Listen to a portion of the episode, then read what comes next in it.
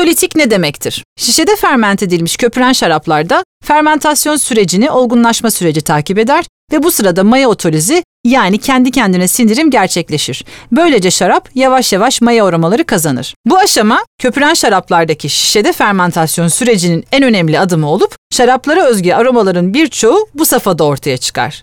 Köpüren şaraplara özgü bu aromalar otolitik olarak tanımlanır. Bu süreç aylarca, yıllarca sürebilir. Olgunlaşma sürecinden sonraki aşamada maya tortuları ayrılır, aksi halde şarap bulanıklaşır.